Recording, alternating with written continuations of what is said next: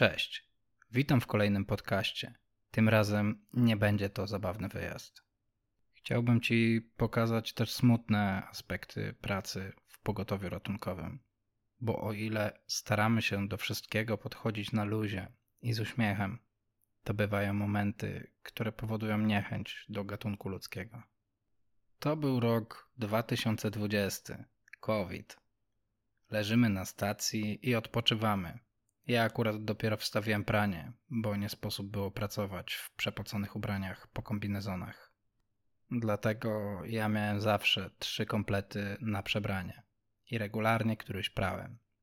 I zaczyna się jak każdy wyjazd. Nagle dzwoni tablet. Mężczyzna. Wiek 60 lat. Wywiad medyczny, duszność, COVID. Wzywa sam do siebie. Nie zgłasza innych dolegliwości. Wyjazd w kodzie drugim. Chciałbym doprecyzować terminologię, bo możesz jej nie znać. W pogotowiu są dwa kody pilności.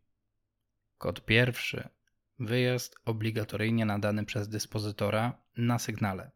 Kod pierwszy jest zazwyczaj przy wypadkach komunikacyjnych, zawałach serca, udarach i do reanimacji.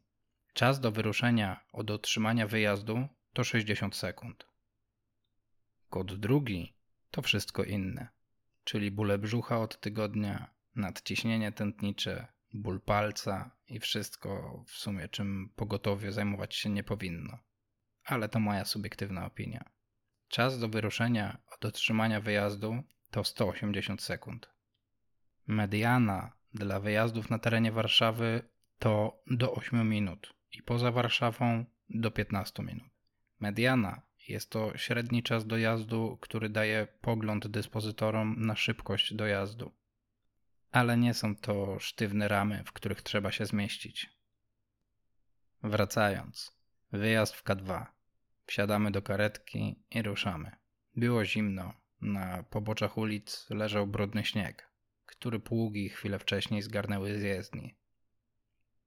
Dojeżdżamy na miejsce. Był to segment trzypiętrowy, na warszawskim Mokotowie. Przebraliśmy się w kombinezony i maski i wchodzimy do pacjenta. Nauczeni doświadczeniem, zabraliśmy ze sobą radiotelefon ręczny, żeby nie chodzić do karetki i pytać dyspozytora o to i o tamto. Drzwi otworzył nam pan pacjent. Na pierwszy rzut oka trzyma się lepiej od nas, a byliśmy już zmęczeni. Pada podstawowe pytanie: co się stało? Pacjent mówi, że ma wynik dodatni sprzed dwóch dni i dziś zaczął czuć duszność. Więc pulsoksymetr na palec i patrzymy. Mija chwila. Saturacja 97. Patrzę na ten wynik, na pacjenta i mówię mu, że ma pan lepszą saturację ode mnie. Ale pacjent twierdzi, że ta duszność jest i on chce do szpitala, bo się boi być sam w domu. Czyli Zrobił kurwa sobie z nas taksówkę. Za pieniądze podatników. No, ale jak pacjent czuje niepokój, czuje się źle i niepewnie i chce koniecznie jechać do szpitala, bo uważa, że coś mu zagraża, to zawieziemy. Oczywiście. Pan więc poszedł przygotować się do wyjścia. W związku z tym, że był to segment trzypiętrowy, to poszedł na samą górę się przebrać, następnie zszedł na dół. Na dole Przypomniał sobie, że nie wziął telefonu i ładowarki, więc wrócił się znowu na górę. Gdy zszedł zdyszany, mówi do nas: O, widzicie panowie, mam duszność. Nie chcę wam mówić, co pomyślałem sobie o tym człowieku. Następnie okazało się, że nie założył skarpetek i usiadł na schodach i siłował się ze skarpetkami, bo nie chciałem mu wejść na spocone stopy. W tym czasie z radiotelefonu wydobył się głos dyspozytora. Wolne zespoły, wolne zespoły z Mokotowa i Ursynowa do reanimacji dziecka. To był ten moment, że poczułem wkurwienie, że zamiast jechać tam, gdzie nas potrzebują, to niańczymy dużego dzidziusia, który jest hipochondrykiem. Nie mogłem się powstrzymać. Mówię do niego: Wstydziłby się pan naprawdę. Nie ma wolnego zespołu do reanimacji dziecka, bo zajęte są wyjazdami do głupot. Pan robi z pogotowia taksóweczkę do szpitala, a tam dziecko umiera. Tak sobie pomyślałem, ale mu nagadałem. Musiał poczuć się chujowo.